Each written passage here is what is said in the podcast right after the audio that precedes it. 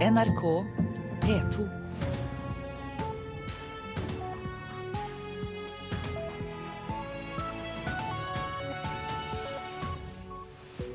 God mandagsmorgen og velkommen til Nyhetsmorgen. Det er 22. september i dag, og klokken er 6.30, og her er hovedsakene. Afghanistan har fått ny president tre etter, etter tre måneder med politisk kaos. Arbeidet med å hindre frafall i skolen må starte allerede i barneskolen. Norsk sokkel kommer til å ha flere plattformer enn noensinne, og flere rigger enn noensinne i løpet av et par-tre år. Slik at aktivitetsnivået totalt sett skal fortsatt oppover.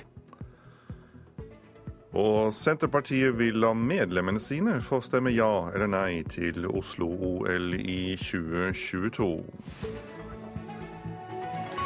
Programleder i dag det er Tor Albert Frøsland. Etter tre måneder med politisk kaos ble det i går klart at Ashraf Ghani blir Afghanistans nye president. Han skal samarbeide med valgmotstanderen Abdullah Abdullah om å danne landets neste regjering. Til applaus fra publikum omfavner to tidligere rivaler hverandre. Etter måneder med krangling om hvem som egentlig vant det afghanske presidentvalget, er Ashraf Ghani og Abdullah Abdullah endelig enige. Ghani blir president. Abdullah skal utpeke en regjeringssjef, og vil mest sannsynlig gi seg selv stillingen. Denne avtalen er veldig viktig. Den danner grunnlaget for legitimitet til en fremtidig regjering, sier en talsmann for Abdullah. For nå skal de to utnevne like mange ministre og embetsmenn. Deretter venter en formidabel oppgave med å skape stabilitet og utvikling i et av verdens fattigste og minst utviklede land. Et nytt kapittel i Afghanistans historie starter nå, sier en talsmann for Ghani. Et kapittel hvor politikere vil samarbeide for å tjene folket. Om det blir med store ord, eller om dette betyr bedre tider for Afghanistan, gjenstår å se. Men for første gang i landets historie har makten skiftet hender uten blodbad og borgerkrig. Det sa reporter Silje Heibro Landsverk. Direktør i PRIO Christian Berg Harpiken, velkommen. Etter flere måneder med rivalisering har de to nå blitt enige om å samarbeide. Hva kommer dette til å bety for det afghanske demokratiet? For det, for det, afghanske demokratiet så har jo dette valget allerede vært en katastrofe. Det har vært eh, omfattende juks. Det har vært juks i så stor skala at man nå har valgt å faktisk ikke kunngjøre valgresultatet, selv etter en nytelling som, har, som FN beskriver som den mest omfattende i sin historie. Eh, og det er også en katastrofe fordi at her har man med det internasjonale samfunnet, med president Obama og utenriksminister Kerry i spissen, forhandlet bort hele grunnloven og for å finne en løsning rett og slett eh, avtalt en hel ny maktordning for landet. Ja, Hva er det viktigste disse to da må enes om for å få samarbeidet til å fungere og få en styring for landet? Vel, De har i hvert fall nå blitt enige om en regjeringsplan. Det de undertegnet i går, er jo ikke annerledes enn den løsningen som nå har ligget på bordet en drøy måneds tid, og som de begge har eh, trukket seg fra med jevne mellomrom. Men nå har vi altså en plan, og det som blir spennende å se nå, er jo om de klarer å enes i utpekingen av eh, regjeringsmedlemmer og ledende embetsmenn. Der ligger det krutt, for begge har inngått avtaler og skapt forventninger hos mange av sine støttespillere. Mange mener de har en rett til å sitte ved det bordet, og bordet er rett og slett ikke stort nok for alle de som har det ønsket. Så er det jo store motsetninger mellom dem. Eh, på hvilke områder vil det bli vanskeligst å, å samarbeide, tror du?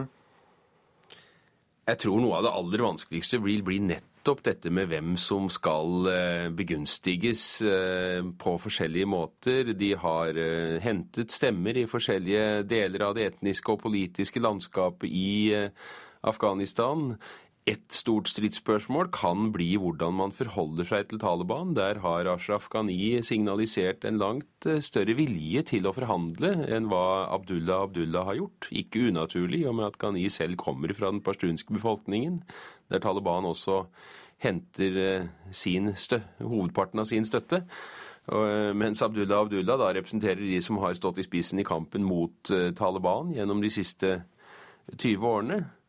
Ja, vil, vil du si, Sier du nå at kampen blir trappet opp eller avtar? Altså kampen mot Taliban?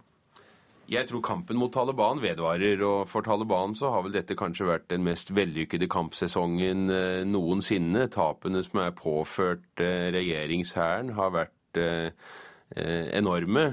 Men jokeren her vil jo være hvordan, hvordan, den nye presidenten og statsministeren vil forholde seg til nabolandet Pakistan, som helt åpenbart må være med på laget for at man skal få en avtale med Taliban. Og i akkurat det spørsmålet så har de begge vært ganske stridbare.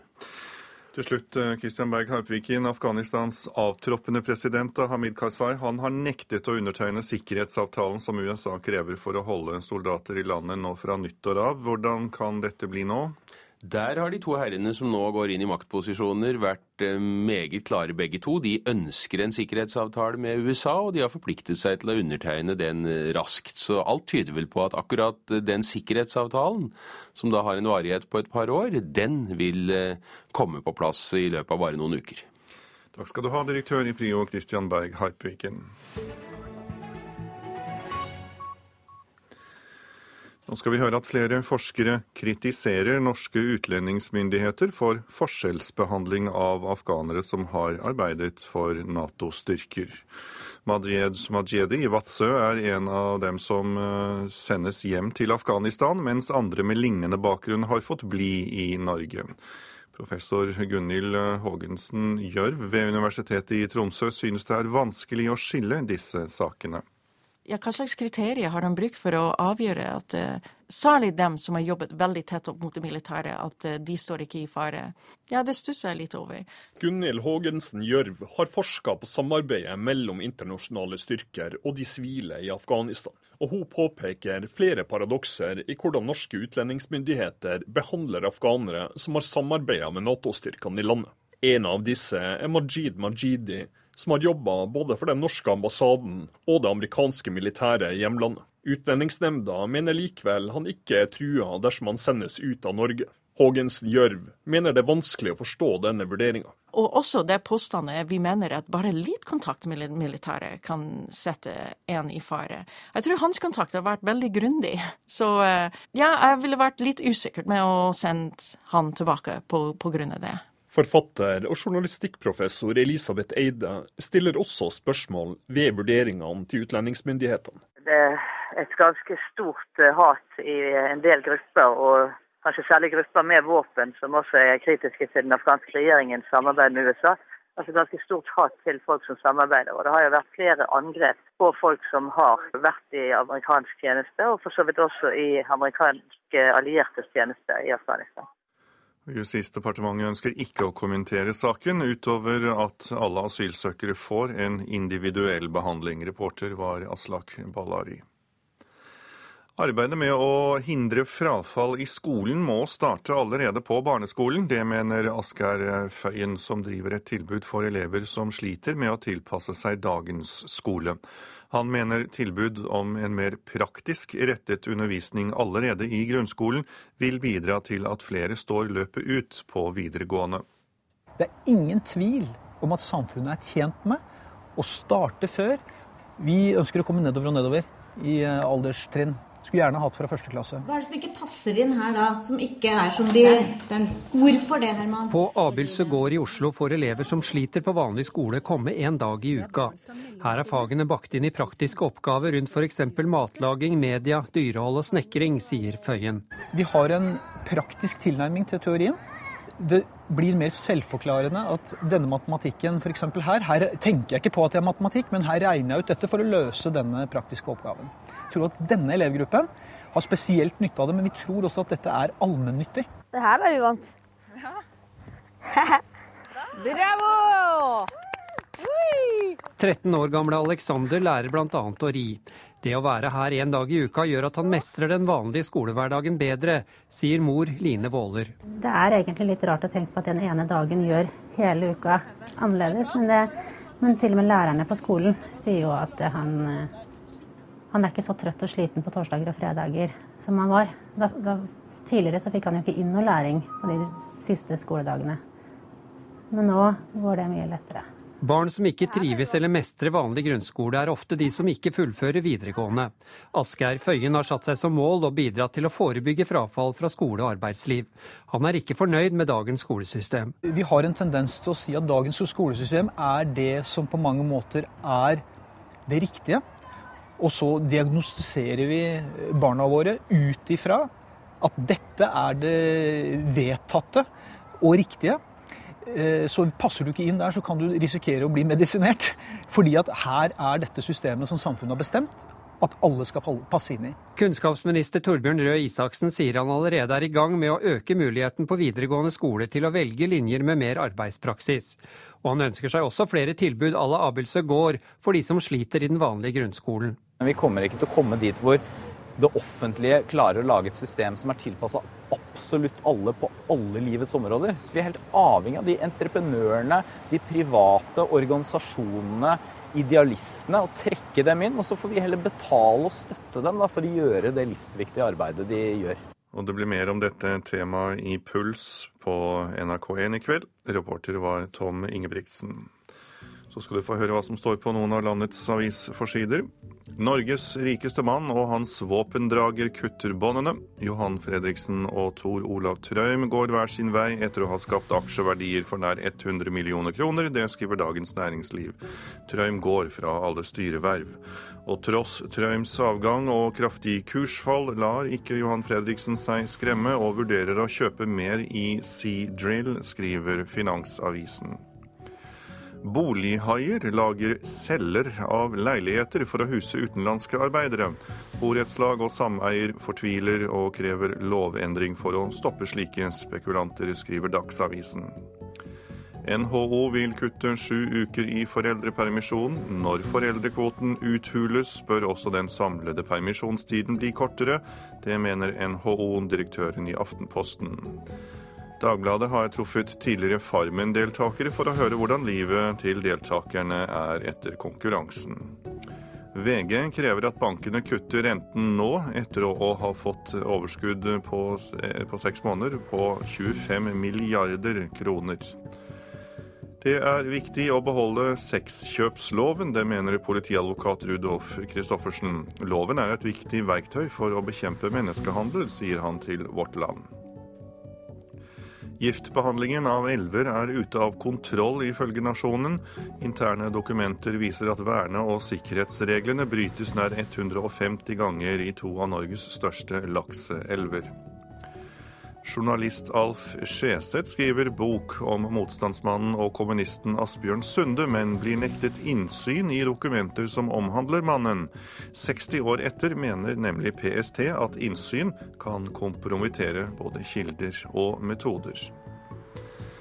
Embret Henok Haldammen fra Randesund har fått massiv støtte fra hele landet etter at Facebook fjernet klassebildet hans. 16-åringen har nemlig et annerledes utseende pga. en sykdom, og Facebook mente ansiktsbildet ikke passet inn i nettsamfunnets standard. Embret sier til Fedrelandsvennen at han er glad for at han fortalte historien sin, og Facebook har innrømmet at de gjorde en feil. Nå skal vi høre at Senterpartiet vil la medlemmene sine få stemme ja eller nei til Oslo-OL i 2022. For første gang velger partiet å holde uravstemning og la medlemmene få avgjøre partiets politikk.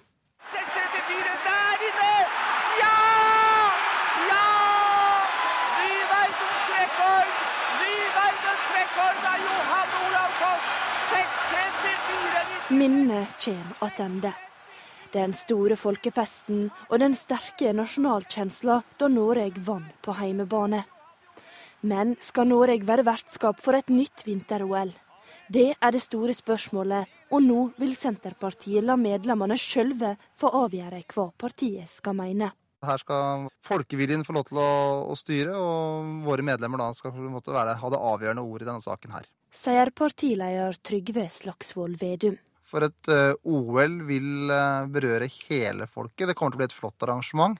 Men det er også et dyrt arrangement, og da syns jeg det er bra å la alle medlemmer få si, si sitt syn. Og dette er uten tvil ei sak som engasjerer. Og derfor tar partiet i bruk en helt ny metode. I Norge så tror jeg faktisk dette er første gang at en sak legges ut til votering på denne måten. Sier professor i statsvitenskap ved MTNU Anders Tordal Jensen. Når ei sak skaper så mye debatt, kan det være lurt av partiet å la medlemmene få avgjøre.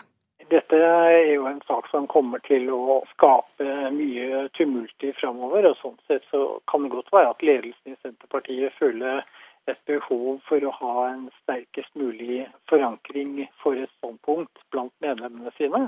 Og for et parti som de siste åra har mista mange velgere, kan ei urøysting være en måte å holde på velgerne, sier Jensen.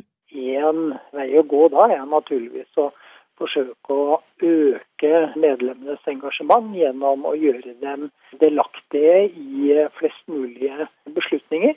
Ute i distriktet har flere fylkesledere gitt uttrykk for at de ikke ønsker et nytt OL i 2022 og partilederen sjøl er usikker på hva resultatet kommer til å bli. Her i partiet mitt så er det veldig mange idrettsinteresserte folk, så her kommer det til å være begge deler. Sannsynligvis så, så vil det vel bli et nei, fordi det er, det, det er folkeviljen her, men eh, det vet jeg ikke. Reportere det var Marte Halsør og Veronica Westrin. Seks runder før slutt leder Molde fotballklubb med hele elleve poeng i Eliteserien. I går tapte Odd på annenplass for Lillestrøm, og gapet frem til Molde begynner å bli stort. Det får Molde-trener Tor Ole Skullerud til endelig å snakke om gull. Vi tror at vi skal klare det her. Som jeg har sagt mange ganger før, vi er veldig stabile og vi har veldig stor tro på oss sjøl. Moldes selvtillit kom godt til syne lørdag, da det endte med 2-0-seier over Vålerenga etter skåringer av Daniel Chimachukwu og Fredrik Gulbrandsen. Etter at Odd mistet viktige poeng mot Lillestrøm i går, ser det veldig lyst ut med tanke på et nytt seriegull til Molde. Trener Skullerud tar likevel ikke lett på oppgaven som gjenstår. Vi må gjøre jobben uh, helt ut for at, uh, at dette her skal bli uh, det vi ønsker. Samtidig så har vi egentlig vært veldig Vi har hatt veldig sterk tro på at vi, vi kan stå løpet helt ut sjøl, og det har vi tenkt å prøve å gjøre. Så vi, vi har hele tida vært mest opptatt av egne prestasjoner og egen Ja, det vi, det vi kan gjøre noe med sjøl. Reporter var Hilde Liengen. Du hører på Nyhetsmorgen i NRK P2 og Alltid nyheter. Klokken er 6.47, og her er hovedsakene. Afghanistan får ny president etter tre måneder med politisk kaos. Kunnskapsministeren ønsker seg flere tilbud for elever som sliter med å henge med i vanlig skole. Og en ny art i Barentshavet, snøkrabbe, sprer seg raskt til nye områder, men forskerne vet ikke hvordan den påvirker livet i havet. Så mange som 80 spanske leger har den siste tiden meldt sin interesse for jobb på Nordlandssykehuset. Det er det store rekrutteringsprosjektet som nå gir resultater, og i løpet av oktober reiser fagfolk til Madrid for å intervjue aktuelle kandidater til legespesialistjobber. Den ungarske legen Arpad Tot kom til Bodø for et år siden, og han sier det ikke bare har vært enkelt i starten. Det mest uh, vanskelig um, trinn uh, og fase var å finne et sted å bo. Uh, å finne en, en jobb til ektefelle. Arpad To tok med seg familien fra Ungarn til Bodø for ett år siden for å jobbe som medisinsk rådgiver i Helse Nord. Nå vil HR-sjef Liss Eberg i Nordlandssykehuset dra nytte av hans erfaringer. Jeg syns jo han er et veldig godt eksempel på ei vellykket rekruttering. Det er særlig utenlandske radiologer, patologer og gynekologer de nordnorske sykehusene er på jakt etter. I første omgang er det Nordlandssykehuset som får velge og vrake blant spanske leger som nå har meldt sin interesse. Vi har 80 eh, søkere i denne basen. Det er jo ikke sikkert alle er like aktuelle, og vi er jo som sagt mest på jakt etter de tre gruppene jeg snakka om. I løpet av oktober reiser folk fra Nordlandssykehuset og Helse Nord ned til Madrid for å delta på ei stor rekrutteringsmesse. Der vil de intervjue mange av de 80 søkerne.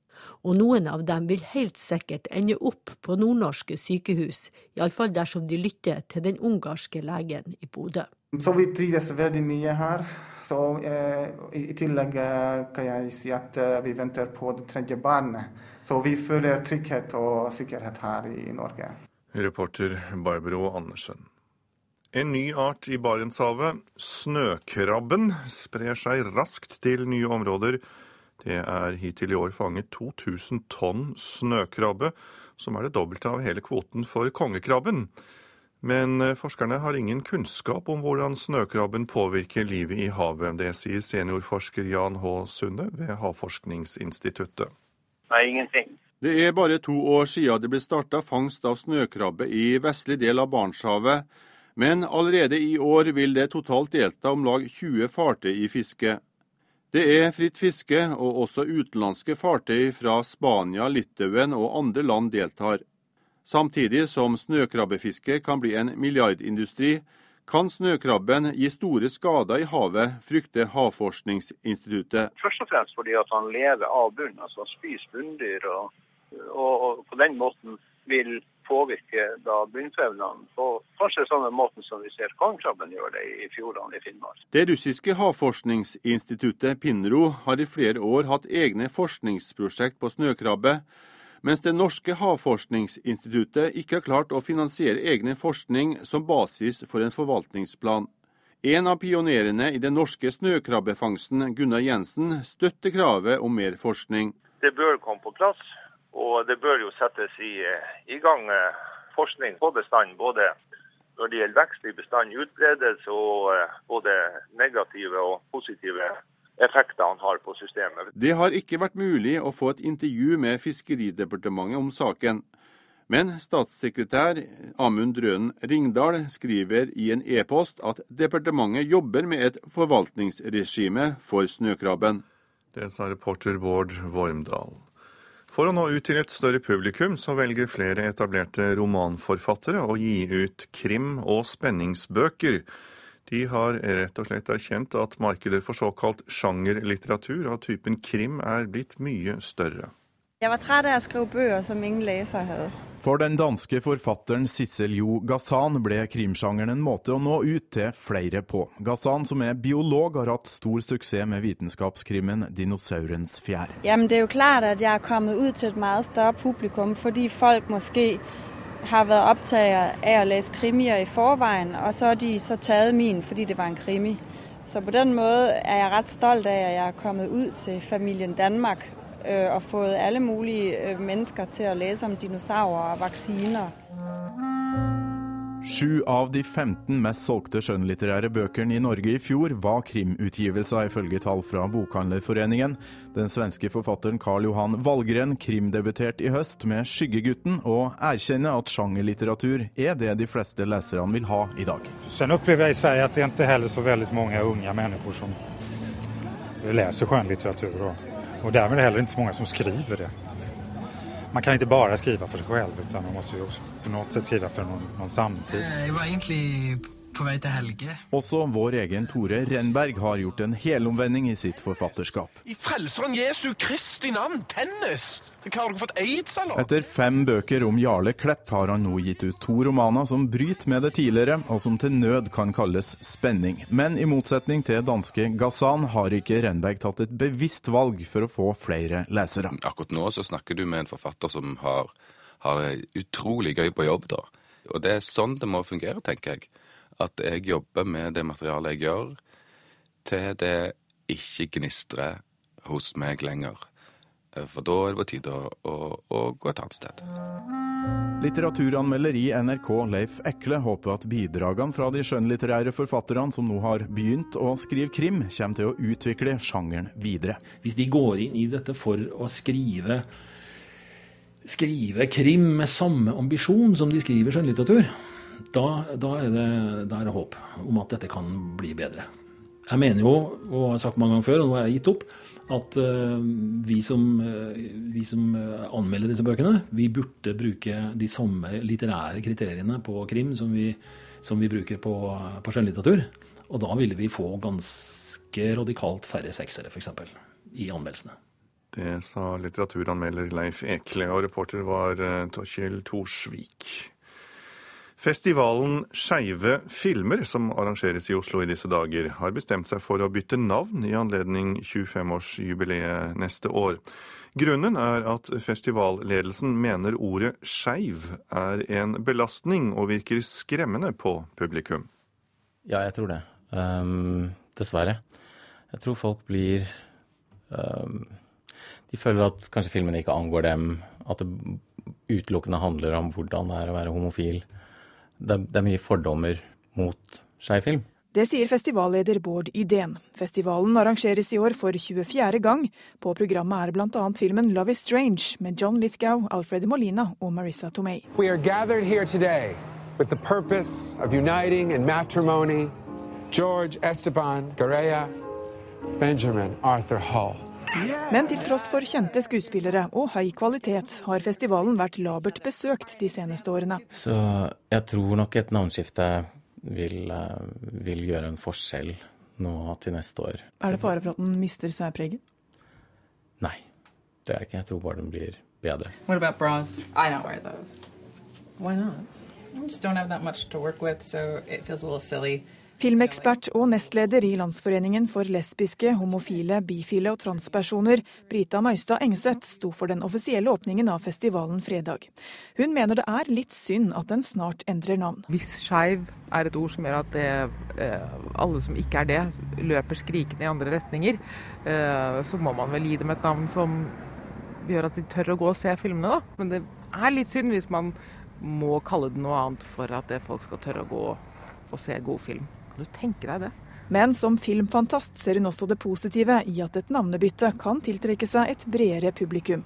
For festivalen har hevet seg enormt de siste årene, og det er mange perler å gå glipp av, mener Møystad Engseth. Så det er ikke noe tvil eh, om at det skeive filmer har eh, vært råflinke eh, de siste årene på å booke kvalitetsfilm. Jeg vil si at programmet kan godt måle seg med Eh, både filmfestivalen i Bergen og i Trondheim, og også Haugesund for den saks skyld. Hva festivalen faktisk skal hete neste år er ikke bestemt. Brita Møystad Engseth mener valg av navn vil ha mye å si for det homofile miljøet. Eh, vi er jo et tolerant miljø. Vi kan leve med mye. Eh, bare det ikke blir en sånn, et, et tullete navn som ikke sier noen ting. Den bør være forankret i den kulturen som jo faktisk har vært med på å bygge opp festivalen, som har støttet den i, i snart 25 år. Eh, så det å fjerne seg fra, fra homomiljøet vil jo være, om ikke katastrofalt, så vil i hvert fall det være å, å fornærme veldig mange som har gått dit år etter år etter år. One of the country's most controversial writers and social critics. She was a relentless campaigner for human rights and against war. Og det du hørte her, det var et klipp fra dokumentaren 'Regarding Susan Sontag' om forfatteren, skribenten, feministen ved det samme navnet. Reporter var Une Marvik Hagen. Så er det tid for mandagsværet. Fjellet i Sør-Norge får nordlig frisk bris minkende. Først på dagen blir det spredte regnbyger i nord, snøbyger over ca. 700 meter. Ellers for det meste pent vær. Østlandet og Telemark nordlig bris først på dagen, frisk bris utsatte steder. I ytre Oslofjord stiv kuling og stort sett pent vær. Agder bris omtrent ø, omkring nord og av og til frisk bris på kysten. Stort sett pent vær. Vestlandet sør for Stad får nordlig bris, til dels frisk bris på kysten lengst i sør over Stad. Stort sett pent vær. Møre og Romsdal nordøst til dels frisk bris på kysten. Stort sett opphold. Trøndelag nordlig til dels frisk bris på kysten. Enkelte regnbyger, snøbyger over ca. 700 meter. Fra i ettermiddag nordøst bris, etter hvert oppholdsvær. Nordland nordvest frisk bris på kysten. Enkelte regnbyger, snøbyger over 300-700 meter. Lavest snøgrense i nord. Fra i ettermiddag skiftende bris, etter hvert til dels pent vær. Troms nordvest frisk bris. Enkelte regnbyger, snøbyger over ca. 200 meter. I kveld opphold i sør. Finnmark nordvest frisk bris utsatte steder. Stiv kuling på kysten. Regnbyger, snøbyger over ca. 200 meter. Nordensjøland på Spitsbergen, sørøstpris og til dels pent vær. Morgentemperaturene målt nå klokken fem. Svalbard lufthavn minus to, Kirkenes og Vardø to, Alta én, Tromsø-Langnes null, Bodø seks, Brønnøysund sju, Trondheim-Værnes fire, Molde seks, Bergen-Flesland sju, Stavanger og Kristiansand-Kjevik ni, Gardermoen og Lillehammer sju, Røros 2. Blindern i Oslo hadde åtte grader klokken fem i dag tidlig.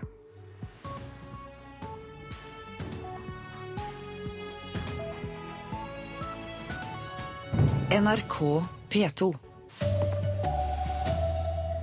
Det er billigere å rydde opp etter skipsulykker og oljesøl enn at staten skaffer seg egne slepebåter. Det mener konsulentselskap.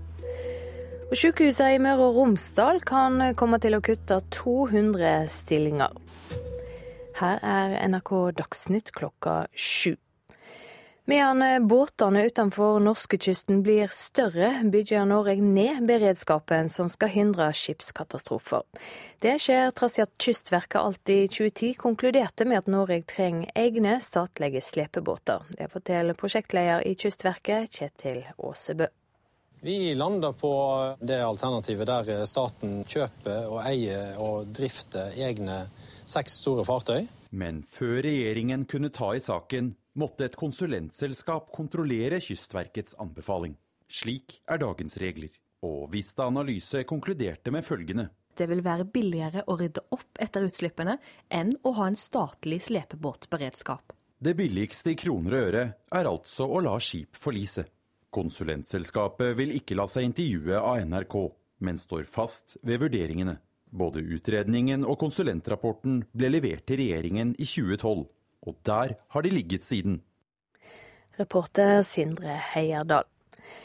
Det må bli færre senger og færre ansatte ved sykehusene i Møre og Romsdal. Det sier direktør Astrid Eidsvik. I dag blir styret orientert om økonomien og planene framover. Omstillinga kan føre til 200 færre ansatte, og alle avdelinger blir råka, sier Eidsvik. Alle klinikker vil bli berørt eh, av eh, de omstillingene som vi må gjøre nå videre framover. Det er mye, eh, altså det er ingen som blir spart. Har du oversikt over hvor mye vi må redusere? Hvis vi oss tar det utfordringsbildet som vi har og gjør det om i antall stillinger, for å bruke det som et eksempel, snakker vi om 200-300 ansatte. Og så er nødt til å eh, redusere. Reporter Anne Marie Fladseth. Styresmaktene i Sierra Leone avslutta i går kveld portforbudet som ble innført fredag for å lete etter ebolaofre. 30 000 frivillige har gått fra dør til dør for å hente døde og for å frakte ebolasmitta til behandling. I løpet av de tre dagene er det funnet over 90 døde mennesker.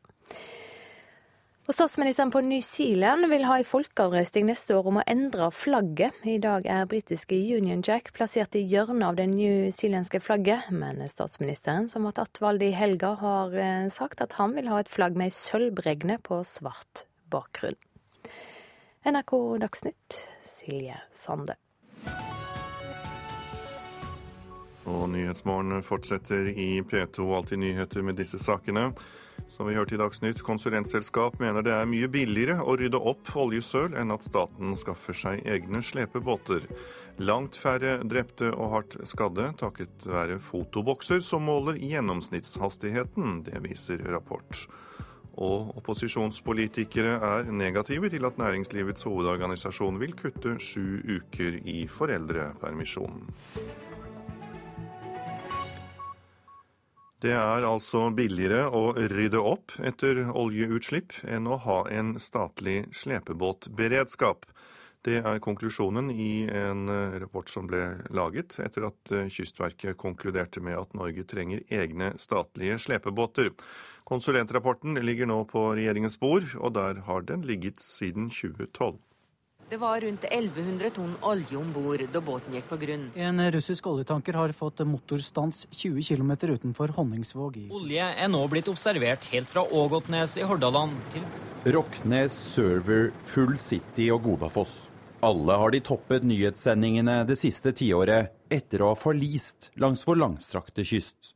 Store slepebåter kan hindre nye skipsulykker, men han som har ansvaret for beredskapen i Nord-Norge, er bekymret. Trafikken har jo gått opp ganske drastisk med transport fra øst langs kysten her. Sier losoldermann Roy Arne Rotnes. Så stor, ut, stor utslippsulykke med, med, en stor tankbåt, det kan vi jo, kan jo bare forestille oss. Det er jo katastrofe. Norge har de siste årene leid inn fem slepebåter. tidvis på dyre korttidskontrakter.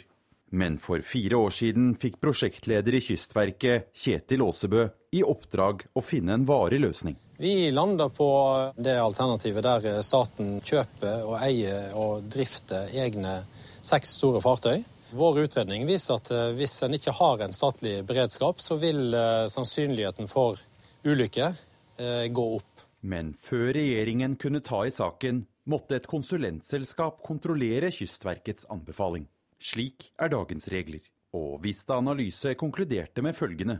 Resultatene av vår samfunnsøkonomiske analyse viser at det vil være billigere å rydde opp etter utslippene enn å ha en statlig slepebåtberedskap.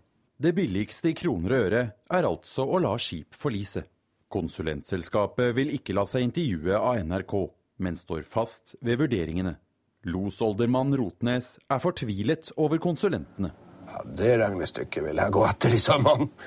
Det er jo en ting at man kan regne kroner og øre, men enn den ubotelige skada som vil skje på natur og fauna, fisk, eh, dyreliv, turisme og alle de andre tingene, jo, jeg kan ikke skjønne at det regnestykket kan, eh, kan forsvares på, på noen måte. Og det er bare med å tenke i to sekunder på det. Både utredningen og konsulentrapporten ble levert til regjeringen i 2012, og der har de ligget siden. Samtidig har antallet slepebåter i Nord-Norge blitt redusert fra tre til to. Problemet med å få det inn på kartet, for det er så stort område. Så fra den russiske grensa og helt hit ned skal patruljeres av to fartøy.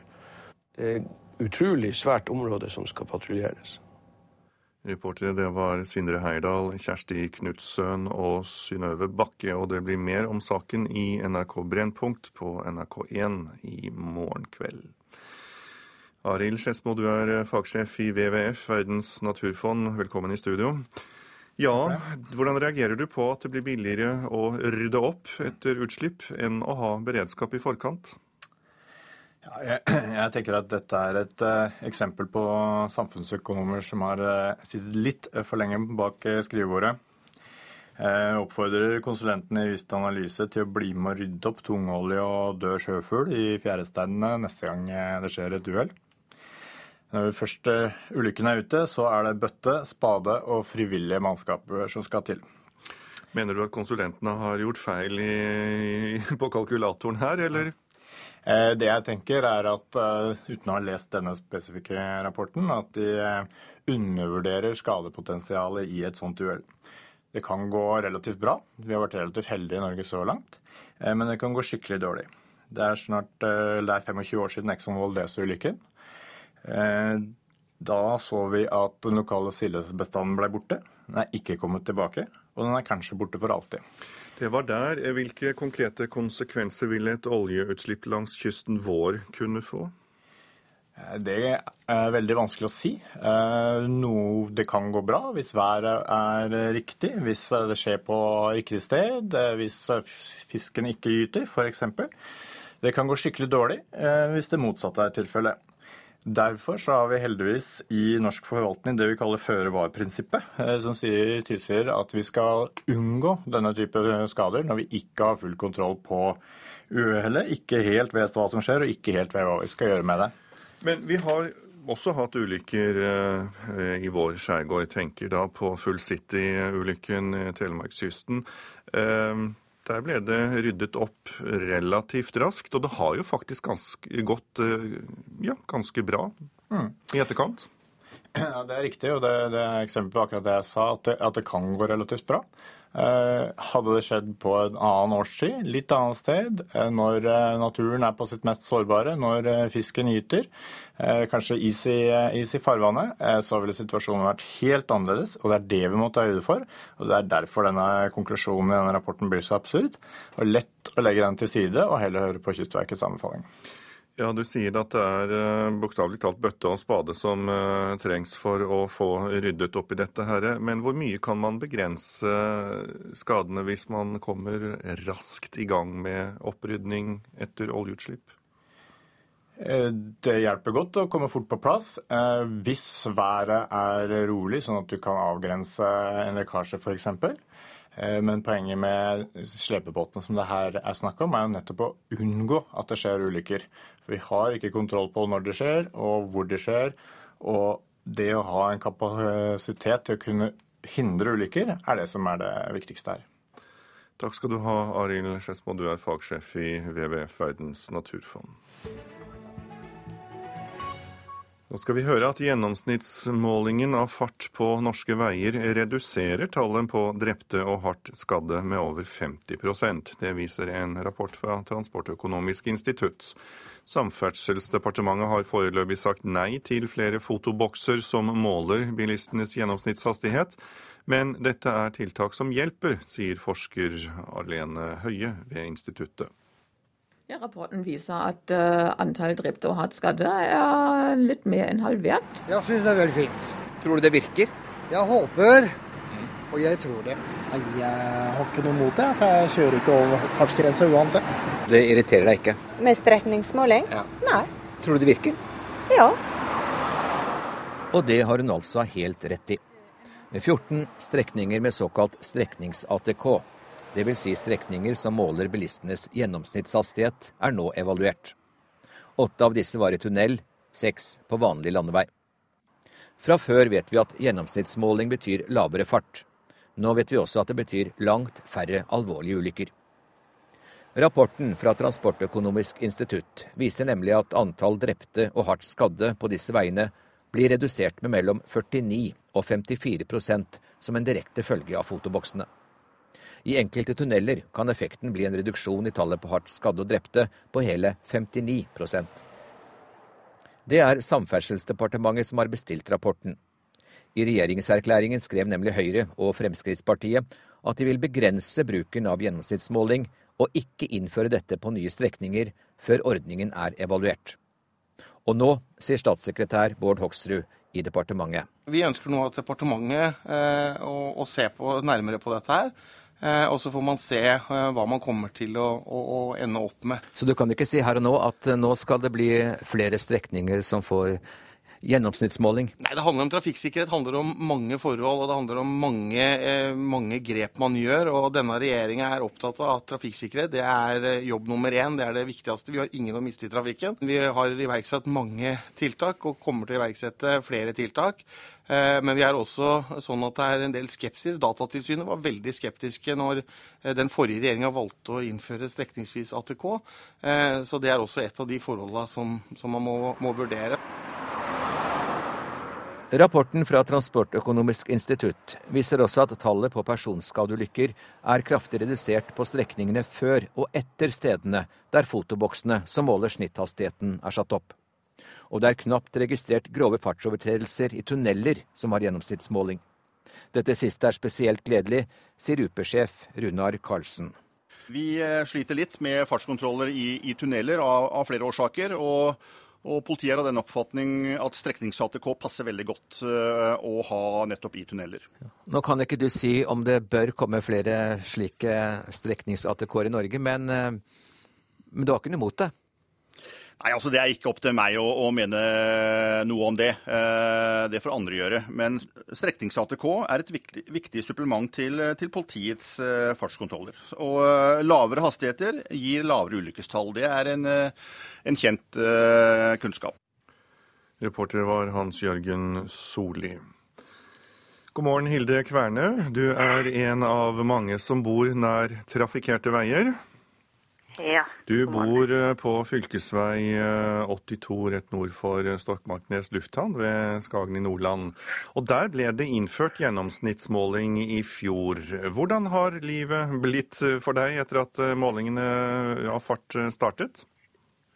Jo, det er blitt roligere kjøring. Vi har ikke hatt den forbikjøringa som var før, der de gassa på med en gang de hadde passert fotoboksen og bremsa ned rett før de skulle kjøre inn i den. Så det er blitt mye bedre. Var det mye grisekjøring eller lignende? Kan du fortelle litt? Ja, som sagt så, så, var det mye det at når bilistene passerte fotoboksen, så gassa de på for fullt og tok gjerne forbikjøring her. og og eh, bremsa ned til neste fotoboks når den kom, så, så, var det full fart igjen. Men den er blitt borte nå. Vi har mye jevnere, finere kjøring nå. Ja, det du beskriver er det som ofte blir kalt for eh, kengurukjøring. Men fortell, eh, hva slags bekymringer hadde du, og hva, hva var du eventuelt mest eh, redd for før disse nye fotoboksene kom på plass? Nei, Det vi har vært redd for, det er jo um, ulykker. Og, og vi krysser jo veien flere ganger for dag, siden vi har eiendom på nedsida også. Så så vi har vært redd for å, å, å krysse veien og for å komme oss på nedsida. Men det, det er blitt bedre nå, som sagt. For det er blitt roligere kjøring. Så vi, det går bedre med, med den. Og jeg håper inderlig at de ikke tar bort gjennomsnittsmålinga. De vil i hvert fall ikke, altså Samferdselsdepartementet vil i hvert fall ikke ha flere fotobokser som måler gjennomsnittshastigheten. Hva syns du om det? Ja, Det syns jeg er trasig. Jeg syns at de, de, skal fortsette med å ha gjennomsnittsmålinger og få, og få det på flere plasser. For det, det viser jo at det, det, blir bedre kjøring. og det, det, ser jo vi som bor her også at det blir det. Så det, det syns jeg ikke at vi, vi skal slutte med. Takk skal du ha, Hilde Kvernø, for at du var med oss i Nyhetsmorgen. Klokken er 16 minutter over sju. Dette er hovedsakene. Det er billigere å rydde opp etter oljeutslipp enn å ha beredskap i forkant. Det konkluderer en rapport. Langt færre drepte og hardt skadde takket være fotobokser som måler gjennomsnittshastigheten. Det hørte vi nettopp, og det er det en rapport som viser. Opposisjonspolitikere er negative til at næringslivets hovedorganisasjon vil kutte sju uker i foreldrepermisjonen.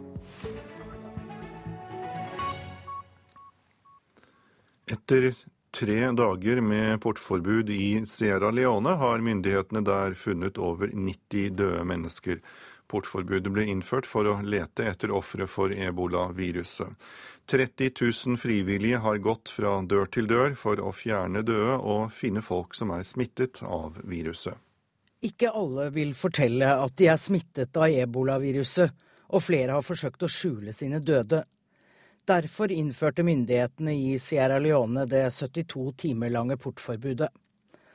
Landets seks millioner innbyggere ble bedt om å holde seg hjemme, mens helsearbeidere og frivillige kom på besøk. Etter tre dager er 92 mennesker funnet døde, mens 123 mennesker kan være smittet av viruset. De blir nå undersøkt og sendt til behandling. På forhånd var det stor skepsis til om et tre dager langt portforbud var riktig vei å gå for å komme ebolaepidemien til livs. Det ble bl.a. satt spørsmålstegn ved om de 30 000 frivillige var godt nok opplært. Stefan Gaujai har koordinert hele ebolakampanjen i Sierra Leone. Few deaths were already reported, which otherwise we would never have known about if we had not instituted this particular exercise. This exercise has actually yielded some very successful uh, uh, uh, results. Våre folk har stadig funnet smittede og døde, folk vi trolig ikke hadde funnet frem til uten denne kampanjen, så vi er fornøyde, sier kampanjelederen i Sierra Leone. Tall fra Verdens helseorganisasjon viser at over 2600 mennesker i Vest-Afrika er døde i ebolaepidemien. Dobbelt så mange er smittet. Det gjelder i første rekke landene Liberia, Sierra Leone og Guinea. Men fordi mange ikke registrerer verken dødsfall eller smitte, er det grunn til å tro at disse tallene er altfor lave. Det sa utenriksmedarbeider Anette Groth. Opposisjonspolitikere er negative til at næringslivets hovedorganisasjon vil kutte sju uker i foreldrepermisjonen. NHO ønsker å redusere permisjonen fra 59 til 52 uker, og mener dette vil bidra til bedre likestilling fordi kvinner fortere må ut i arbeidslivet. SV-leder Audun Lysbakken mener dette vil være negativt for familiene. Jeg mener dette er et helt meningsløst forslag. Eh, det vil eh, gå utover barna, og det er barna permisjonsordningen er til for. Men det vil dessuten gå utover eh, familier og næringsliv, fordi mange flere vil måtte ta lengre ulønnet permisjon mens de venter på barnehageplass. NHOs forslag vil kunne spare to milliarder kroner, som de foreslår å bruke på flere barnehageplasser for ettåringer.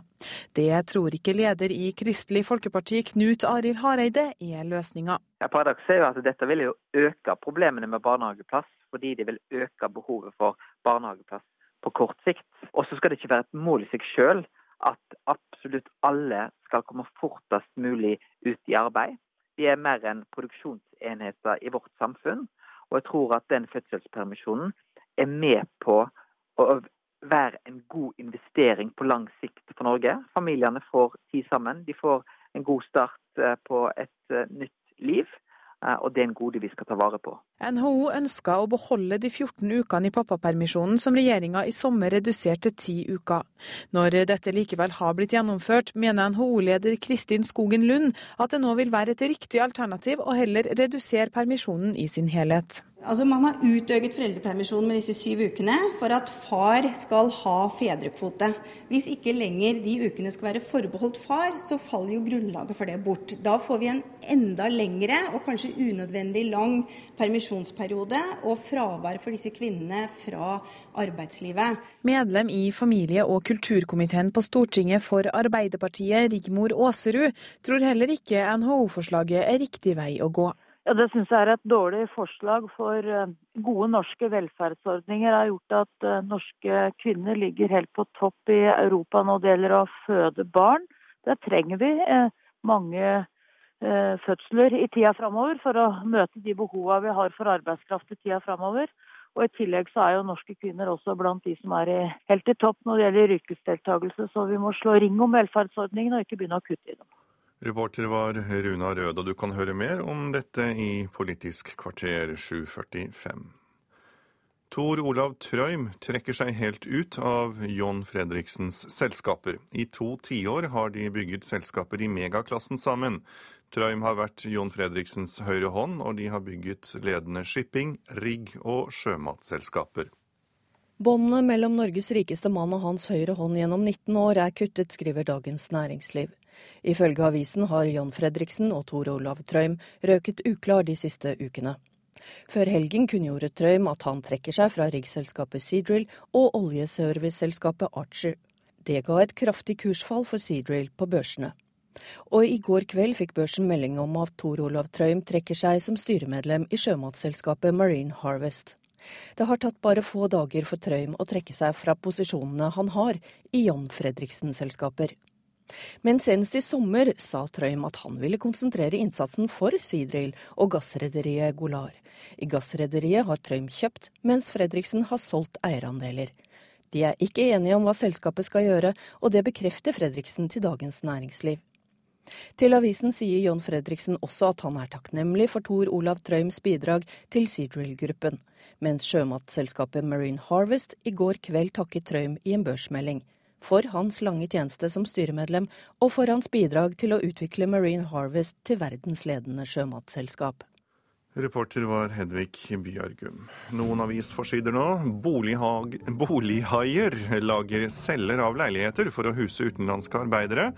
Borettslag og sameier fortviler og krever lovendring for å stoppe slike spekulanter, skriver Dagsavisen.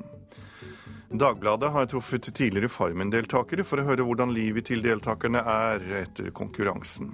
VG krever at bankene kutter renten nå, etter at eh, bankene har fått et overskudd de siste seks månedene på 25 milliarder kroner. Det er viktig å beholde sexkjøpsloven, mener politiadvokat Rudolf Christoffersen. Loven er et viktig verktøy i kampen eh, for å bekjempe menneskehandel, sier han til Vårt Land. Journalist Alf Skjeseth skriver bok om motstandsmannen og kommunisten Asbjørn Sunde, men blir nektet innsyn i dokumenter som omhandler mannen. 60 år etter mener nemlig PST at innsyn kan kompromittere kilder og metoder, skriver Klassekampen. Seksjonsoverlege Halvard Reigstad på Haukeland universitetssykehus frykter at rusbarna vil saksøke staten. Bergens Tidende forteller at tallet på nyfødte som behandles for abstinens fordi moren har gått på LAR-medisin, øker dramatisk. Og overlege mener barna blir påført lidelser som i utgangspunktet ikke er nødvendig. Unge barnevernsbarn med dokumenterte skader etter opphold på institusjon ber Rogaland fylkeskommune lage en erstatningsordning lik den eldre barnevernsbarn har fått. Det skriver Stavanger Aftenblad. 49 Røde Kors-hjelpere er drept i Syria, skriver Adresseavisen, og ikke siden andre verdenskrig har organisasjonen mistet så mange hjelpearbeidere i en konflikt. Nordlys har historien om en innbygger som nekter å rydde opp på eiendommen sin. Kommunen og fylkeskommunen har hatt en sak om opprydning gående i ti år, og to politianmeldelser har heller ikke fått fart på opprydningen. Kommunen hevder de er hjelpeløse. skal vi høre at en ansatt ble lettere skadet da eh, en Statoil-stasjon på Skedsmokorset i Akershus ble ranet i går kveld. En maskert mann kom inn på stasjonen da den skulle stenge, slo til en ung mannlig ansatt i hodet og truet ham med pistol. Det er et uh, alvorlig ran. Det er et bevæpna ran. Og det har også vært benytta trusler og slag i forbindelse med gjennomføring av ranet. Det sa innsatsleder Roy Alquist i Romerike politidistrikt, og gjerningsmannen er fortsatt på frifot. I år, er, I år, er, det ti år siden Anne Slåtten ble drept på vei til jobb i Førde i Sogn og Fjordane, og for foreldrene er sorgen livslang. Nå vil psykolog Atle Dyregrov få myndighetene med på mer forskning på langtidsvirkningene av dyp sorg. For Marta Bjelland Slåtten så vil drapsdatoen 6.6 alltid være en tung dag. Det, det helser seg som det er hvert år, at det, det er en tung dag. Det, det, er en tung dag. Den 6. juni er en tung dag. Da, da er det annet jeg tenker på. Og, og liksom så Og den vil alltid komme. Den dagen der kommer hvert år. Hva tenker du når du, hvis du leser i media eller du ser på TV eller at det har skjedd noe tilsvarende? Hva, hva tenker du da? Da opplever jeg jo alt på nytt, for å si det sånn. Og, og tenker på voldsomt mye på de som blir rammet. At nå vet jeg Nå er det en familie til som har det så grusomt. Så det merker jeg at det er ganske tøft når det skjer noe lignende, ja. Det, da får du alt opp på nytt igjen. Psykolog Atle Dyregrov er en av landets fremste eksperter på hvordan mennesker opplever kriser og katastrofer. Han blir ikke overraska over at sorga kan være like sterk, sjøl etter ti år. Det å få noen myrdet, det er den vanskeligste type dødsfall som en står overfor. og Det er langtidskonsekvenser. Spesielt hvis en har mistet et barn, så er det en livslang sorg. Eh, den behøver ikke være slik at det ikke er mulig å fungere ved siden av, men du bærer det tapet med deg, og det kan være smertefullt, spesielt når man passerer årsdager og eh, høytider. Så det er en det er, en, det er en spesiell sosial situasjon å bevege seg videre i de årene som følger etter et tap. Og det var det Martha og Gudmund Slåtten opplevde da dattera deres ble drept av en mann som senere ble dømt til 15 års fengsel. Det er jo mest i starten, da. For, for andre folk så går det over. og så, så, de slutter både å snakke om det og alt. Så, så det blir jo slik etter en stund så føler du deg veldig alene. Ja, gjør det. Det er du tror liksom at, at, det går over på en måte, men um, for oss så, så, gjør det jo ikke det, for vi får jo aldri en annen tilbake. Psykolog Atle Dyregrov mener det burde vært forska langt mer på hvordan langvarig sorg påvirker oss mennesker. Vi har i stor grad og med rette da bevilget mye midler til traumefeltet, men sorgfeltet det er et sted man vi vi kunne gjort så mye mer. Og vi må også ha et uh, hjelpeapparat som forstår betydningen av at vi kanskje en gang for året har en samtale med familier, selv om det har gått mange år. For det er noe av det som kan gjøre at familier får lov til å snakke om det viktigste som har skjedd i deres liv, men også det vanskeligste, og kan holde kommunikasjonen åpen og Eh, snakke med det sammen med noen som har kunnskap om sorg. Så jeg tror at vi, vi, må ha et mye mer langsiktig fokus enn vi har hatt, og det har vi ikke i Norge i dag. Man har jo tatt det kjæreste vi har. Jeg, eh, jeg klarer ikke å se til igjen, for å si det sånn. Det, det klarer jeg ikke. Reporter, det var Geir Bjarte Jetland. Det er Nyhetsmorgen du har radioen din på. I reportasjen etter Dagsnytt så kan du høre at eh, separatister og uavhengighetsbevegelser i andre land gleder seg over at ja-siden ble den moralske vinneren i Skottland. I Politisk kvarter skal det bl.a. handle om foreldrepermisjon. Produsent for Nyhetsmorgen i dag, det er Eli Bjelland. I studio Tor Albert Frøsland. Har du tips eller kommentarer, så send oss gjerne en e-post til tips.krøllalfa.nrk.no. Minner jeg også om at du kan høre hele Nyhetsmorgen i reprise, og det gjør du ved å gå på nettet nrk.no radio. Nå er Silje Sande kommet i studio for å gi deg de siste nyhetene fra Dagsnytt-redaksjonen.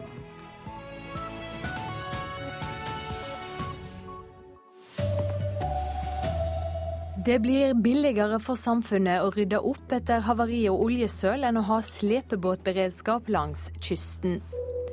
Fotobokser som måler snittfart er svært effektive. Det er langt færre ulykker enn før på slike strekninger. Og NHO vil kutte foreldrepermisjonen med sju uker. Dårlig idé, mener opposisjonen. Her er NRK Dagsnytt klokka 7.30. Kystverket mener Norge trenger egne statlige slepebåter for å hindre nye store skipsulykker og oljeutslipp langs kysten. Men det vil være billigere å rydde opp etter utslippene enn å ha en statlig slepebåtberedskap. Det mener konsulentselskapet som har kontrollert tilrådinga fra Kystverket. Rapporten ligger nå på regjeringa sitt bord. Der har den vært siden 2012. Det var rundt 1100 tonn olje om bord da båten gikk på grunn. Olje er nå blitt observert helt fra Ågotnes i Hordaland. Rocknes, Server, Full City og Godafoss. Alle har de toppet nyhetssendingene det siste tiåret etter å ha forlist langs vår langstrakte kyst. Store slepebåter kan hindre nye skipsulykker, men han som har ansvaret for beredskapen i Nord-Norge, er bekymret. Trafikken har jo gått opp ganske drastisk langs kysten her. Sier losoldermann Roy Arne Rotnes. Det er stor utslippsulykke med, med en stor tankbåt. Det er jo katastrofe. Norge har de siste årene leid inn fem slepebåter, tidvis på dyre korttidskontrakter. Men for fire år siden fikk prosjektleder i Kystverket, Kjetil Aasebø, i oppdrag å finne en varig løsning. Vi landa på det alternativet der staten kjøper og eier og drifter egne seks store fartøy. Men før regjeringen kunne ta i saken, måtte et konsulentselskap kontrollere Kystverkets anbefaling. Slik er dagens regler. Og Vista Analyse konkluderte med følgende. Resultatene av vår samfunnsøkonomiske analyse viser at det vil være billigere å rydde opp etter utslippene enn å ha en statlig slepebåtberedskap. Det billigste i kroner og øre er altså å la skip forlise. Konsulentselskapet vil ikke la seg intervjue av NRK, men står fast ved vurderingene. Både utredningen og konsulentrapporten ble levert til regjeringen i 2012, og der har de ligget siden. Reporter Sindre Heierdal. Med meg i studio nå Arild Skedsmo, fagsjef i Verdens naturfond. Det er altså billigere for samfunnet å la skip forlise enn å investere i slepebåtberedskap. Hva syns du om en slik prioritering? For det første så tenker jeg at det er et eksempel på samfunnsøkonomer som sitter litt for lenge bak skrivebordet. Og jeg oppfordrer Vista Analyse til å bli med å rydde tungolje og dø sjøfugl i fjæresteinene neste gang det skjer et uhell. Da er det bøtte, spade og frivillig mannskap som, som gjelder. Og så tenker jeg, kanskje uten å ha lest denne spesifikke rapporten, at de undervurderer risiko og hvor stor skade som kan skje ved et sånt uhell. Vi har vært relativt heldige i Norge så langt. Men vi har andre eksempler, som Exxon Valdez, hvor vi så at den lokale sildestammen ble borte. Den er fortsatt borte 25 år etter, og kanskje kommer den aldri tilbake. Ja, dersom dette blir vedtatt, frykter du konsekvensene? Ja, klart det. Altså, som sagt så har vi vært relativt heldige i Norge med så langt. Men, men hver eh, sesong og, vi, og, hvor sårbar naturen er der ulykken skjer, varierer veldig. Og vi kan ikke vite når det skjer, hva som skjer. Og Det er derfor vi har det som vi kaller føre-var-prinsippet i norsk forvaltning. Hvor, som er nett, konkluderer med egentlig akkurat det motsatte av det konsulentene gjør. At vi må sørge for at ulykken ikke skjer, istedenfor å prøve å rydde opp. Takk skal du ha, Arild Skedsmo. Det blir mer om denne saka i NRK Brennpunkt i morgen kveld. Gjennomsnittsmåling av fart på norske veier reduserer tallet på drepne og hardt skadde med over 50% Det viser en gransking fra Transportøkonomisk institutt. Samferdselsdepartementet har foreløpig sagt nei til flere fotobokser som måler gjennomsnittsfart, men dette er tiltak som fungerer, sier forsker Alena Høie ved instituttet. Rapporten viser at uh, antall drepte og hardt skadde er litt mer enn halvert. Jeg synes det er veldig fint. Tror du det virker? Jeg håper, og jeg tror det. Jeg har ikke noe mot det, for jeg kjører ikke over fartsgrensa uansett. Det irriterer deg ikke? Med strekningsmåling? Ja. Nei. Tror du det virker? Ja. Og det har hun altså helt rett i. 14 strekninger med såkalt streknings-ATK, dvs. Si strekninger som måler bilistenes gjennomsnittshastighet, er nå evaluert, både i tunnel og på vanlig landevei. Fra før vet vi at gjennomsnittsmåling betyr lavere fart. Nå vet vi også at det betyr langt færre alvorlige ulykker. Rapporten fra Transportøkonomisk institutt viser nemlig at antall drepte og hardt skadde på disse veiene blir redusert med mellom 49 og 54 som en direkte følge av fotoboksene. Særlig på de, uh, i de undersjøiske tunnelene er det nesten ikke lenger noen som kjører veldig mye over fartsgrensen, slik som det har vært før. Det er Samferdselsdepartementet som har bestilt rapporten. I regjeringserklæringen skrev nemlig Høyre og Fremskrittspartiet at de vil begrense bruken av gjennomsnittsmåling, og ikke innføre dette på nye strekninger før ordningen er evaluert. Og nå, sier statssekretær Bård Hoksrud i departementet. Nå har vi fått rapporten, eh, og den skal studeres nøye. Og så vil regjeringa komme tilbake til hva den vil gjøre framover. Men 50% det er mye, det? Det er veldig mye, og denne regjeringa er opptatt av trafikksikkerhet det er eh, jobb nummer én. Det er det viktigste. Vi har ingen å miste i trafikken. Det er en del skepsis. Datatilsynet var veldig skeptiske når eh, den forrige regjeringa valgte å innføre strekningsvis ATK. Så det er også et av de forholdene som, som man må, må vurdere. Reporter Hans-Jørgen Solli. Senterpartiet vil la partimedlemmene sine få røyste ja eller nei til Oslo-OL i 2022. Det er første gang partiet holder ei slik uravrøysting, og lar alle medlemmene få si sin mening i ei konkret sak.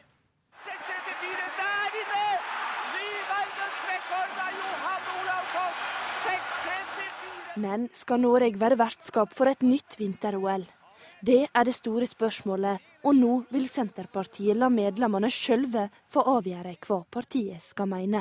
Her skal folkeviljen få lov til å, å styre, og våre medlemmer da skal være, ha det avgjørende ordet i denne saken her. Sier partileder Trygve Slagsvold Vedum. For et uh, OL vil uh, berøre hele folket. Det kommer til å bli et flott arrangement. Men det er også et dyrt arrangement, og da syns jeg det er bra å la alle medlemmer får si, si sitt syn. Og derfor tar partiet i bruk en helt ny metode. I Norge så tror jeg faktisk dette er første gang at en sak legges ut til votering på denne måten. Sier professor i statsvitenskap ved MTNU Anders Todal Jensen. Når ei sak skaper så mye debatt, kan det være lurt av partiet å la medlemmene få avgjøre. Dette er jo en sak som kommer til å skape mye tumult i framover. Og sånn sett så kan det godt være at ledelsen i Senterpartiet føler et behov for å ha en sterkest mulig forankring for et standpunkt blant medlemmene sine. Reportasjen var laga av Marte Halsør og Veronica Westrin. Opposisjonspolitikere er negative til at NHO vil kutte sju uker i foreldrepermisjonen. NHO går inn for å kutte permisjonen fra 59 til 52 uker, og mener det vil bidra til bedre likestilling fordi kvinner fortere må ut i arbeidslivet. SV-leder Audun Lysbakken mener en slik endring vil være negativ for familiene. Jeg mener dette er et helt meningsløst forslag. Eh, det vil eh, gå utover barna, men det vil dessuten gå utover eh, familier og næringsliv. Fordi mange flere vil måtte ta lengre ulønnet permisjon mens de venter på barnehageplass. NHOs forslag vil kunne spare to milliarder kroner, som de foreslår å bruke på flere barnehageplasser for ettåringer. Det tror ikke leder i Kristelig Folkeparti, Knut Arild Hareide, er løsninga. Ja, Paradokset er jo at dette vil jo øke problemene med barnehageplass fordi det vil øke behovet for barnehageplass på kort sikt. Reporter Runa Rød, og det blir mer om dette i Politisk kvarter 7.45. Tor Olav Trøim trekker seg helt ut av Jon Fredriksens selskap, skriver Dagens Næringsliv. Trøim har vært Jon Fredriksens i høyre hånd gjennom to tiår. De to har samarbeidet om å bygge opp ledende oljefrakt- og sjømannsselskap. Så sport. At Ole Gunnar Solskjær ikke fikk holde fram i Cardiff, påvirker norske trenere sitt rykte i utlandet. Han føyer seg inn i rekka av nordmenn som mislykkes i utenlandske klubber. Det gjør det vanskelig for det som kommer etter, mener Odd-trener Dag Eiliv Fagermo.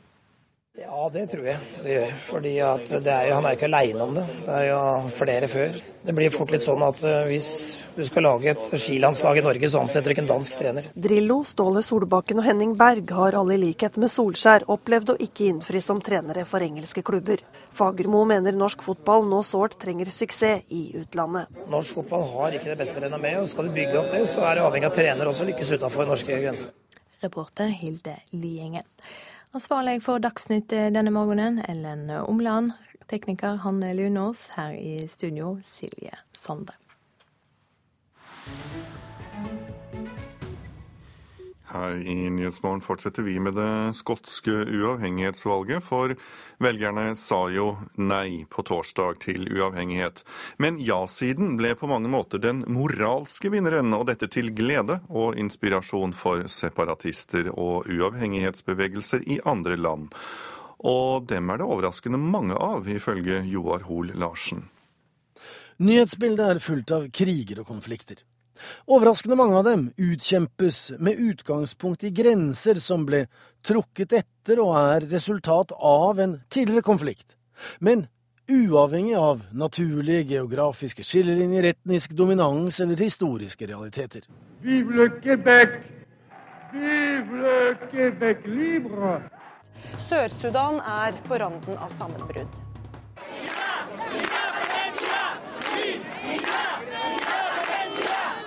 Putin blåste til separatisme på Krim for å skape en ny territoriell konflikt med Ukraina.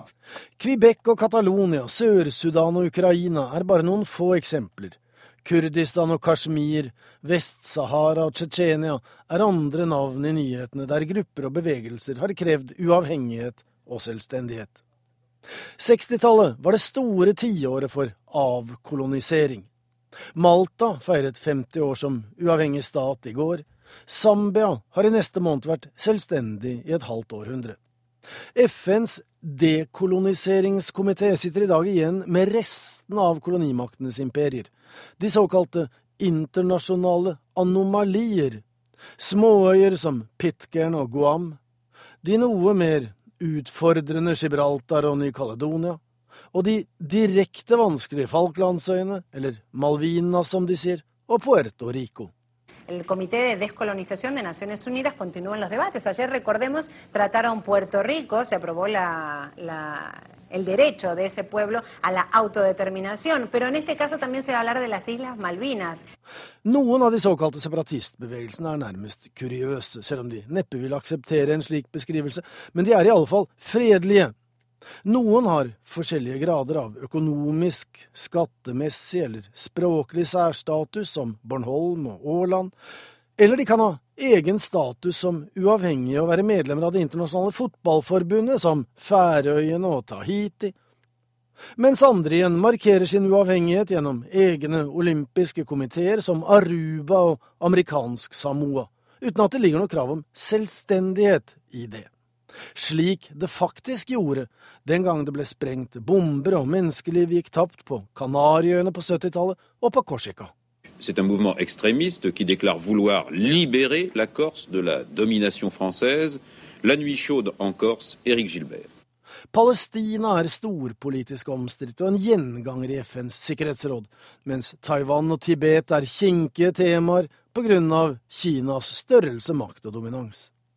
På slutten av det 20. århundre ble Hongkong og Panamas kanalsone tilbakeført til sine hjemland i henhold til avtaler, mens utbryterstaten Somaliland ikke anerkjennes av noen, selv om landet i praksis er selvstendig. I motsetning til Biafra, som på 60-tallet fikk omfattende internasjonal støtte, selv om det ikke var nok. For sympati og solidaritet måtte gi tapt for realpolitikk og militærmakt. Biafra ble anerkjent av bare fire afrikanske land, og mislyktes i å løsrive seg fra Nigeria. It's a civil war between the Biafrans and the Nigerians. We're not going to say which side is right or which side is wrong. Og da gjenstår det bare å se hva som skjer med Texas. For også der er det noen som søker status som eget land. Hovedsaker her i Nyhetsmorgen. Billigere for staten å rydde opp oljesøl i etterkant enn at staten skaffer seg egne slepebåter for å forhindre oljekatastrofer, viser rapport.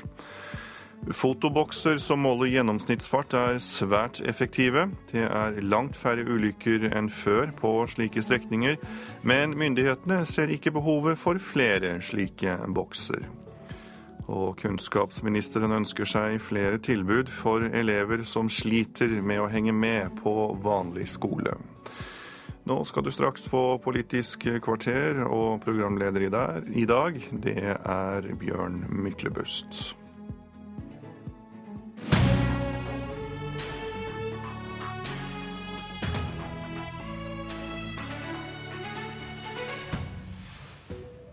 Dagens sending har en kraftig slagside.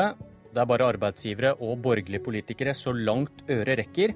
Men si pappaperm og oljepenger, og vips, idyllen sprekker.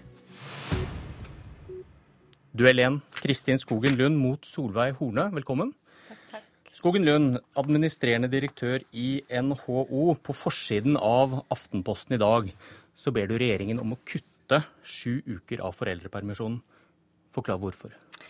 Ja, altså Vi er veldig opptatt av likestilling i arbeidslivet. Og så ser vi at mye av de fremskrittene vi har hatt, det skyldes at vi har hatt en god foreldrepermisjonsordning og barnehagedekning.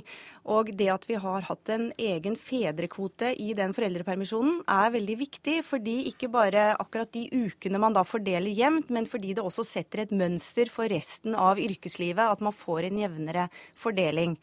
Nå har regjeringen et forslag ute hvor man foreslår å, eh, at man skal kunne overføre de fedreukene til mor. Eh, eh, egentlig bare med et kryss, uten dokumentasjonskrav eller noen ting. Det mener vi er en uthuling av fedrekvoten.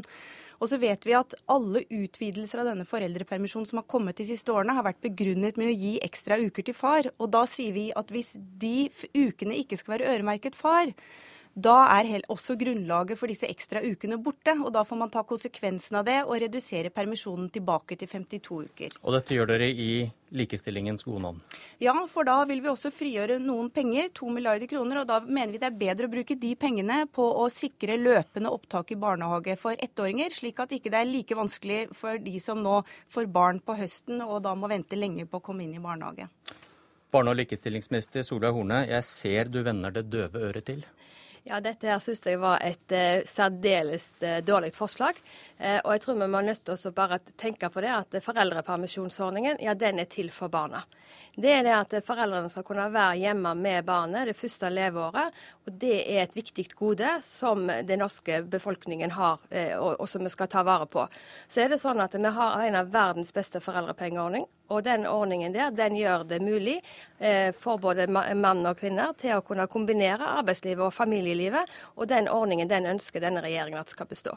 Dere er opptatt av forskjellige ting, Skogen Lund. Hun er opptatt av barn og valgfrihet, og du er opptatt av likestilling. Ja, Vi er også opptatt av barnas ve og vel, men nå er det også sånn at alle de, siste, de tre siste utvidelsene av foreldrepermisjonen har Fremskrittspartiet stemt imot. De har vært begrunnet med ekstra uker til far, og da har jo ikke dette med barnets gode vært tematikken, det har vært fedrekvoten.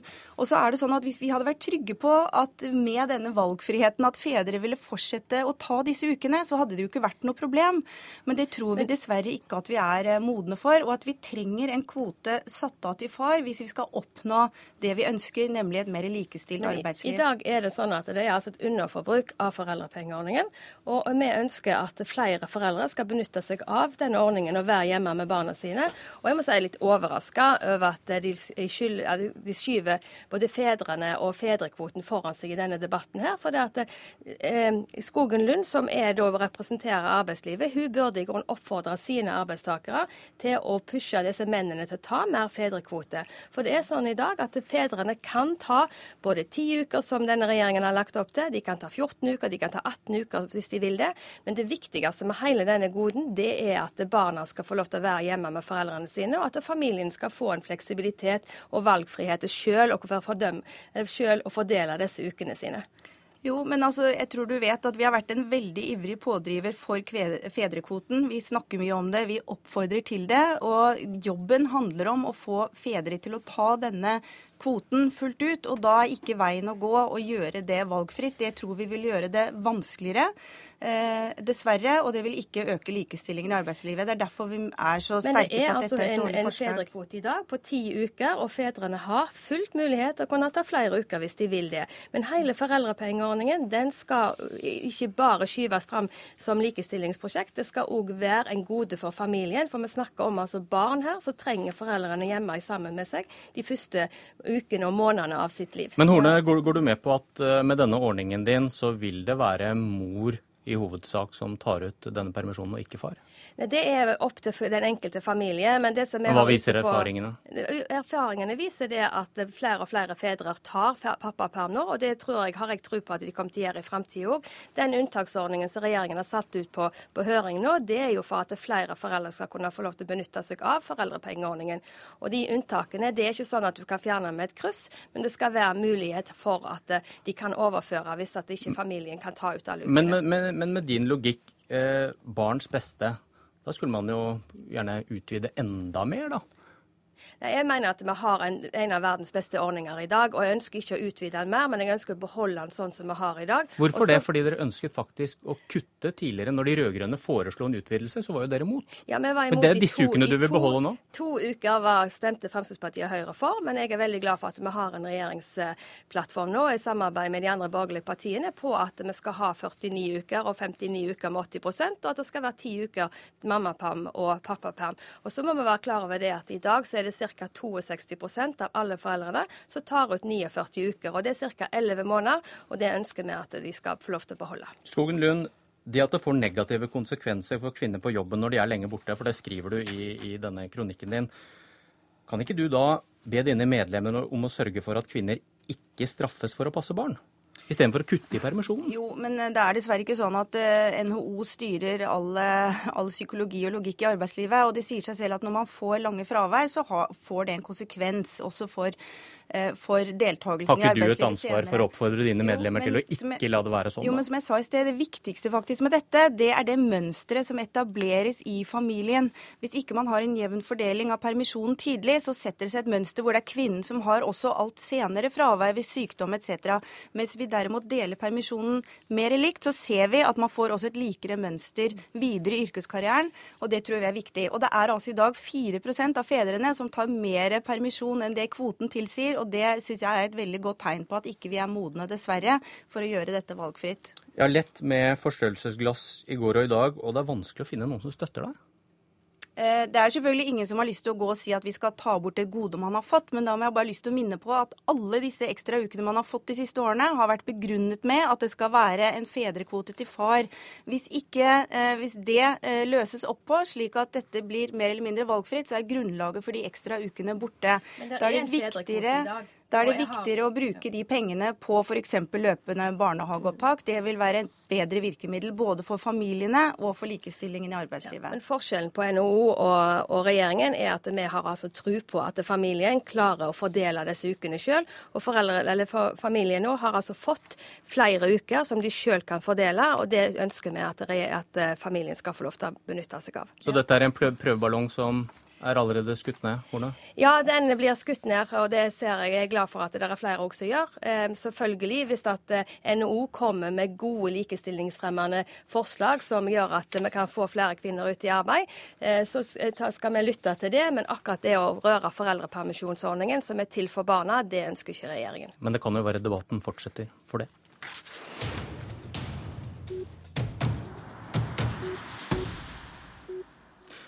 Duell to Venstre mot Frp. Sveinung Rotevatn, stortingsrepresentant for Venstre, god morgen. God morgen. Noen kommer snart og banker på deres dør for å få flertall for et statsbudsjett. Og da vurderer dere i Venstre å kreve innstramming av handlingsregelen. Og hvorfor vil dere ta opp dette i en budsjettforhandling? Det vi er opptatt av, er at det budsjettet vi skal vedta i Stortinget i høst, har en ansvarlig oljepengebruk.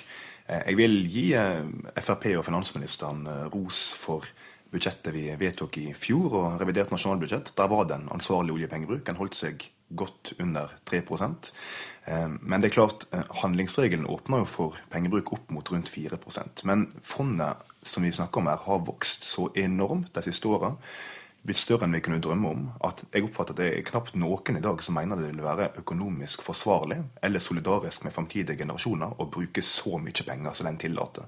Derfor mener vi i Venstre nå at det er på tide å sette en lavere krittstrek, binde oss lavere til masta og sørge for at oljepengebruken blir forsvarlig også i åra framover. Jeg har lest at det er Frp-utspill som har gjort at dere mener dette hører hjemme i høstens samtaler? Eh, som sagt så har vi vært fornøyd med ansvarligheten i budsjettene så langt, men vi har registrert i løpet av sommeren og tidlig høst at flere sentrale politikere i Frp har tatt til orde for i offentligheten at en skal øke og pumpe opp oljepengebruken ganske dramatisk i offentlig budsjett. Det håper jeg at finansministeren ikke lytter til. Og vi håper at en kan eh, gjøre en endring i handlingsregelen nå, slik at vi binder oss til et lavere forbruk, i tråd med det som har vært praksis de siste åra. Harald Tom Nesvik, parlamentarisk leder for Fremskrittspartiet. Lover dette godt for budsjettforhandlingene? Ja da, det lover fryktelig godt for budsjettforhandlingene. fordi at eh, Med de premissene som eh, Sveinung Rotevatn her legger til grunn, så ser jeg ikke så veldig mørkt på det. Eh, men det er én ting som, som, jeg reagerer på i, i Rotevatn sitt, sitt, innlegg her. og Det er rett og slett at det blir litt sånn meningsløst hvis vi skal gå bare fra å si en prosentsats til en ny prosentsats, uten at vi ser på innholdet og formålet med hvordan vi skal bruke pengene. Fremskrittspartiet er opptatt av av eh, at vi skal spre oljeformuen oljeformua vår over generasjoner. Vi er opptatt av en ansvarlig pengebruk i de årlige budsjettene for å sikre konkurranseevnen bl.a. til norsk næringsliv. Eh, men å bare sette ny, bare en sånn prosentstrek som, man, eh, som her Rotevatn snakker om, eh, det blir litt meningsløst. Da må vi heller se på hvordan vi bruker faktisk de pengene vi har til rådighet i et budsjett.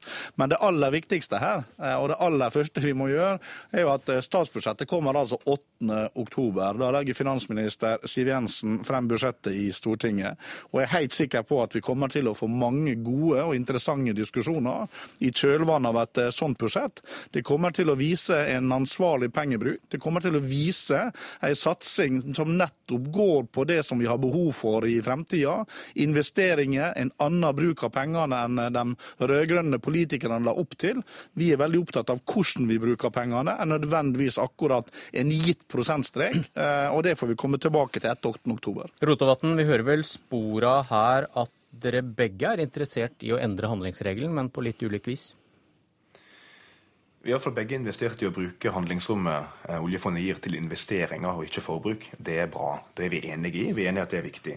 Men uansett hvor godt formålet og hvor fornuftig pengebruken er, så går det en grense for der en begynner å spise opp fondet, eh, som skal komme framtidige generasjoner til gode.